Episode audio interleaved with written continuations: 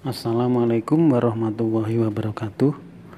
Kita bertemu untuk pertama kali di semester 2 ini. Kita langsung saja akan memulai materi bab 1 yaitu tentang hukum Newton dan penerapannya. Kamu buka LKS halaman 5. LKS halaman 5 saya akan memandu materi yang ada di LKS yang pertama di halaman 5 bab 1 tentang hukum Newton. Di SMP kalian sudah mengenal tentang hukum Newton. Hukum Newton tentang gerak. Ada tiga hukum Newton. Yang pertama hukum satu Newton bunyinya jika resultan gaya yang bekerja pada suatu benda sama dengan nol, maka benda yang mula-mula diam akan tetap diam, sedangkan benda yang mula-mula bergerak lurus beraturan atau GLB akan tetap melakukan gerak lurus beraturan. Secara matematis, resultan gaya sama dengan nol dirumuskan sigma F sama dengan 0. Nah, untuk contohnya, kalau kalian naik mobil, berdiri di mobil box atau mobil bukaan, tiba-tiba mobil itu dijalankan, maka kalian akan jatuh ke belakang, akan terpental ke belakang. Sebaliknya, kalau kalian berdiri di mobil bukaan tanpa pegangan misalnya, yang sedang berjalan sedang GLB, sedang gerak lurus beraturan, tiba-tiba direm mendadak, maka kalian akan terpental ke depan, nah, gitu. Sehingga nah, penerapannya gimana? Nah, kalau tadi sedang diam kalian yang pertama, tiba-tiba dihentikan, maka kalian akan tetap mempertahankan kondisi diam, maka akan jatuh ke belakang. Yang kedua, kalau tadi kalian naik mobil sedang bergerak lurus beraturan GLB tiba-tiba direm maka kalian akan tetap gerak. Nah, sebagai reaksinya kalian jatuh ke depan. Yang kedua hukum Newton atau hukum 2 Newton. Bunyinya percepatan suatu benda akan sebanding dengan jumlah gaya atau resultan gaya yang bekerja pada benda tersebut dan berbanding terbalik dengan masanya. Dalam bentuk matematis kalimat ini bisa ditulis A sebanding itu berarti sama dengan sigma F berbanding terbalik per M. Jadi A sama dengan sigma F per M atau sigma F sama dengan MA kalau gayanya hanya satu ya F gitu aja. F sama dengan MA di halaman 6 ada contoh.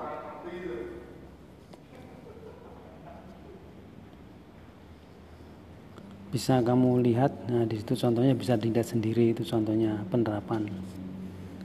Sekarang yang ketiga hukum 3 Newton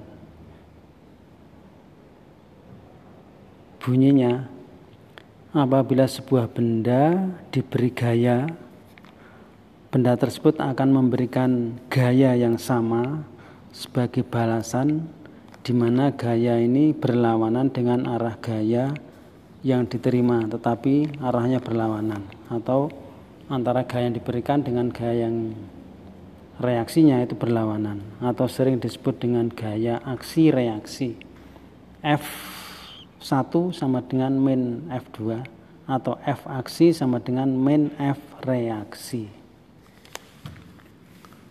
Lanjut jenis-jenis gaya.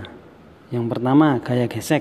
Nah, kita bisa berjalan di atas lantai karena ada gaya gesek.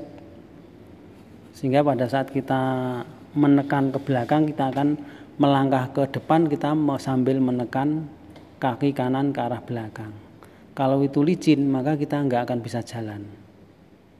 Seperti mobil, kalau licin hanya muter aja, nggak bisa jalan. Tapi kalau e, jalannya kasar, maka dia bisa mobil itu bisa gerak karena gaya gesek. Nah, gesek itu apa toh? Gaya gesek itu gaya yang timbul pada saat benda itu diberi gaya. Misalnya ada balok di meja, selama dia itu balok itu diam aja nggak ada gaya gesek. Atau meja di lantai. Maka meja itu selama diam ya nggak ada gesek. Tapi pada saat kamu tarik maka baru muncul gaya gesek. Sehingga gaya gesek itu arahnya selalu berlawanan dengan kecenderungan gerak benda. Atau berlawanan dengan arah gaya itu bergerak. Misalnya benda itu ditarik ke kanan berarti gaya geseknya ke kiri nah, gitu. Nah, gaya gesek di sini sangat tergantung dari kekasaran permukaan, tergantung dari masa benda, tergantung dari percepatan gravitasi. Nah, gaya gesek di sini dibedakan menjadi dua.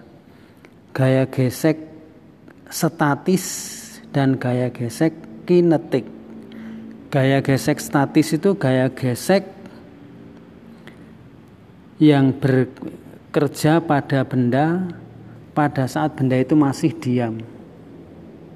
Selama benda masih diam maka gaya geseknya adalah statis. Statis itu diam. Misalnya kamu narik meja sebelum dia bergerak maka gaya geseknya masih statis. Dirumuskan Fs maksimum itu sama dengan mu S kali N. Fs itu gaya gesek statisnya, mu S-nya itu koefisien gesekan statis. Koefisien gesekan itu kata lain adalah sifat kekasaran permukaan. Jadi tingkat kekasaran permukaannya. Yang kedua adalah gaya gesek kinetis atau kinetik, yaitu gaya gesek yang bekerja pada benda setelah benda itu bergerak atau gaya yang bekerja pada benda yang dalam keadaan bergerak. Misalnya kalian narik meja, kamu sudah kamu tarik dan berjalan, maka di situ ada gesek, kadang-kadang berupa bunyi macam-macam itu. Selama benda itu bergerak, maka gaya geseknya disebut gaya gesek kinetik. FK lambangnya, K kali N, K kali N. Contoh di situ, nah, di contoh penerapan bisa kamu lihat. Jadi ada balok kayu di meja, masanya 4 kilo, percepatan gravitasi 10, koefisien gesekan kinetisnya 0,2, koefisien gesekan statisnya 0,2, koefisien gesekan kinetiknya yang lebih kecil intinya gesekan kinetik 0,2 statisnya 0,4 tentukan besar gaya gesek. Jika balok ditarik dengan gaya A 6, 16 dan 20 nah kita lihat gaya gesek. Gaya gesek carane ngitung tadi Fs strategi bawah. Mu S kali N. Lah N ini apa toh? Karena di depan. N itu gaya normal kalau benda itu di meja atau di lantai datar maka gaya normal itu N sama dengan V sama dengan berat bendanya. V sama dengan mg. Ya. sehingga tadi masanya 4 kilo gini gravitasi 10 berarti 40 berarti. Maka gaya normalnya 40 sehingga Fs nya sama dengan mu S kali N yaitu mu S-nya 0,4 kali N-nya 40 sehingga 16 Fs-nya 16 di situ sudah ada. Sehingga pada saat F-nya 16 gaya gesek 16 ditarik soal di atas. Ditarik dengan gaya A6 berarti yo tidak mampu untuk mengalahkan gaya gesek berarti benda masih diam. Jawaban A. berarti benda masih diam atau percepatannya nol. Yang B, benda ditarik dengan gaya 16. Lah gaya geseknya tadi 16 ditarik dengan gaya 16 berarti benda tepat akan bergerak karena gaya gesek karo gaya tariknya sama. Tepat akan bergerak. Tapi A-nya tetap masih nol. Yang C ditarik dengan gaya 20 berarti gaya tariknya lebih besar daripada gaya gesek. Berarti benda akan bergerak. Nah setelah bergerak berarti percepatannya bisa dihitung. Sigma F sama dengan MA paling bawah. Nah sigma itu jumlah karena arah berlawanan dari gambar balok kamu lihat di atas. F ke kanan Fs ke kiri berarti berlawanan satunya min. F min FK karena bergerak ya, berarti yang dipakai K FK bukan Fs kalau sudah bergerak itu yang dipakai FK F min FK sama dengan MA F 20 tadi gaya tarik gaya gesek kinetik 8 maka sama dengan M kali A. M 4 A nya dicari. Sehingga hasilnya A nya adalah 3 meter per sekon kuadrat. Itu contohnya. Lanjut. Jenis-jenis gaya yang kedua gaya berat benda di permukaan bumi itu dipengaruhi gravitasi. Benda yang masanya M eh, berapa kilo ada gravitasi maka muncul berat. Sehingga berat itu V dirumuskan massa kali gravitasi. V sama dengan M kali G. Keterangannya itu ada dilihat. Yang ketiga gaya gravitasi. Gaya gravitasi itu gaya tarik-menarik antara dua benda yang besarnya itu berbanding lurus dengan massa masing-masing dan berbanding terbalik dengan kuadrat jarak keduanya. Misalnya dua benda, bumi karo bulan ada gaya tarik-menarik, nah, gitu. Maka besarnya dirumuskan F sama dengan G M1 M2 per R kuadrat. G itu tetapan konstanta gravitasi yang sudah di tentukan lebih dulu oleh para ahli yang melakukan penelitian.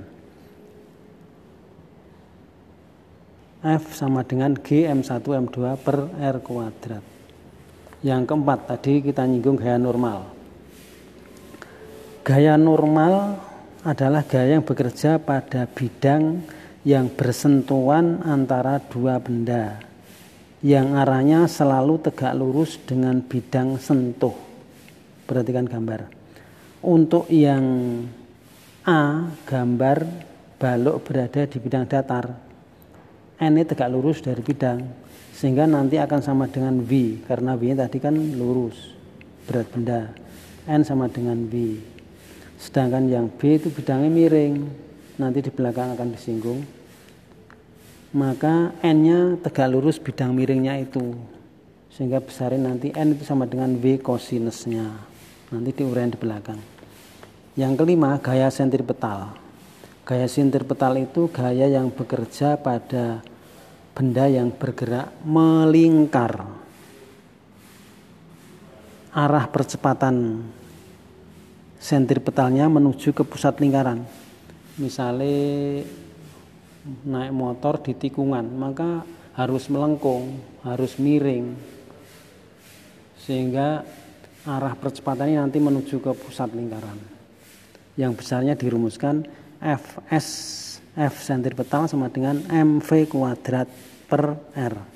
mv kuadrat per r atau m omega kuadrat kali r. Berikutnya review penerapan satu nanti. Nanti ini untuk tugas. Review penerapan satu untuk tugas. Kita lanjut dulu ke hukum penerapan hukum Newton. Jadi penerapannya. Gerak pada bidang datar. Nah, misalnya di halaman 9 itu ada gambar A dan B. Yang A itu benda ditarik dengan gaya F lurus, yang B ditarik dengan gaya membentuk sudut atau miring. Nah. Maka untuk hukum Newtonnya A sama dengan sigma F per M. Kalau gayanya hanya satu ya A sama dengan F per M.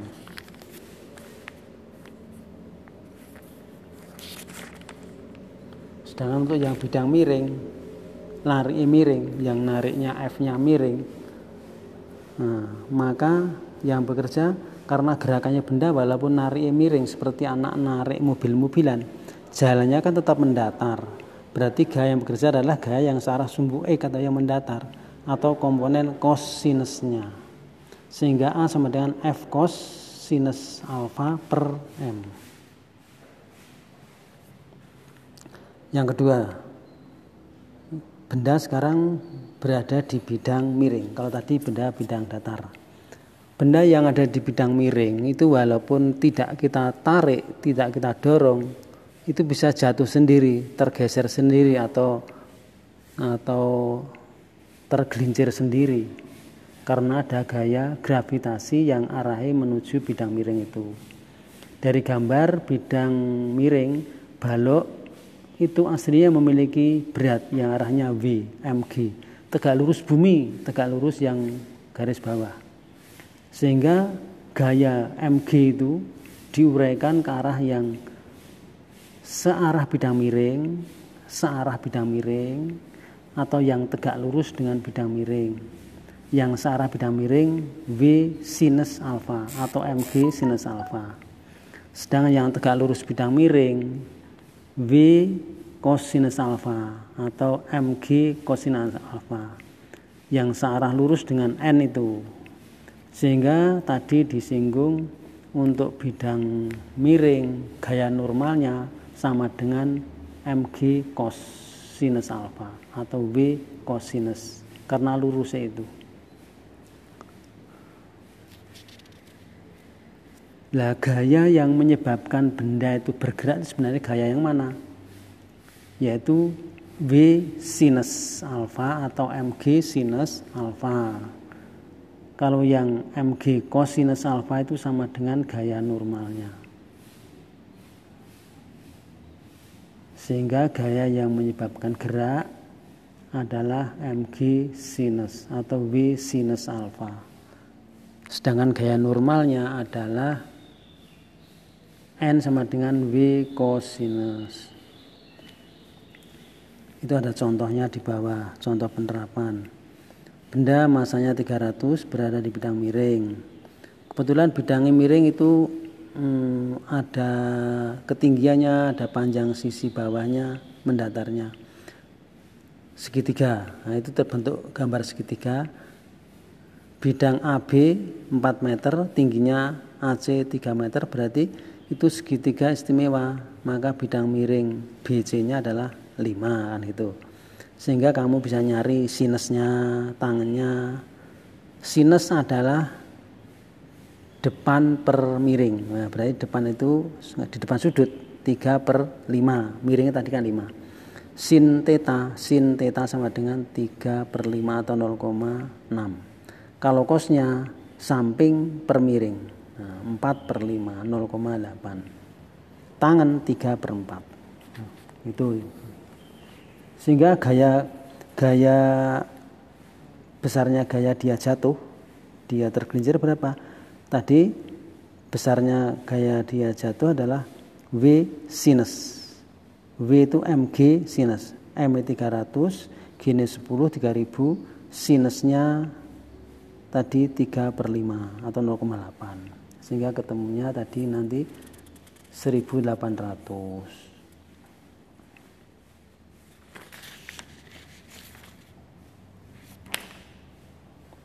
Sampai itu dulu sampai halaman 11 di atas. Untuk yang gerak dua benda nanti bisa kamu pelajari dulu dan eh, nomor 4 di benda yang digantung dengan katrol dengan tali. Jadi dia naik turun benda itu karena katrolnya muter. Ya, nanti kita singgung lagi. kira kira-kira nanti bisa ditanyakan eh, yang kurang jelas. Untuk tugas kalian nanti ngerjakan halaman 9 nomor 1 sampai 5 nomor 1 sampai 5 itu nanti di tugas besok hari Selasa.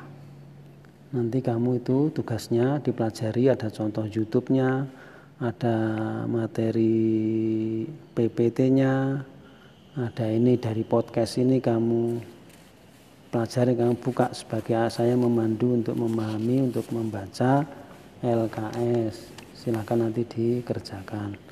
Nah, demikian, Assalamualaikum warahmatullahi wabarakatuh.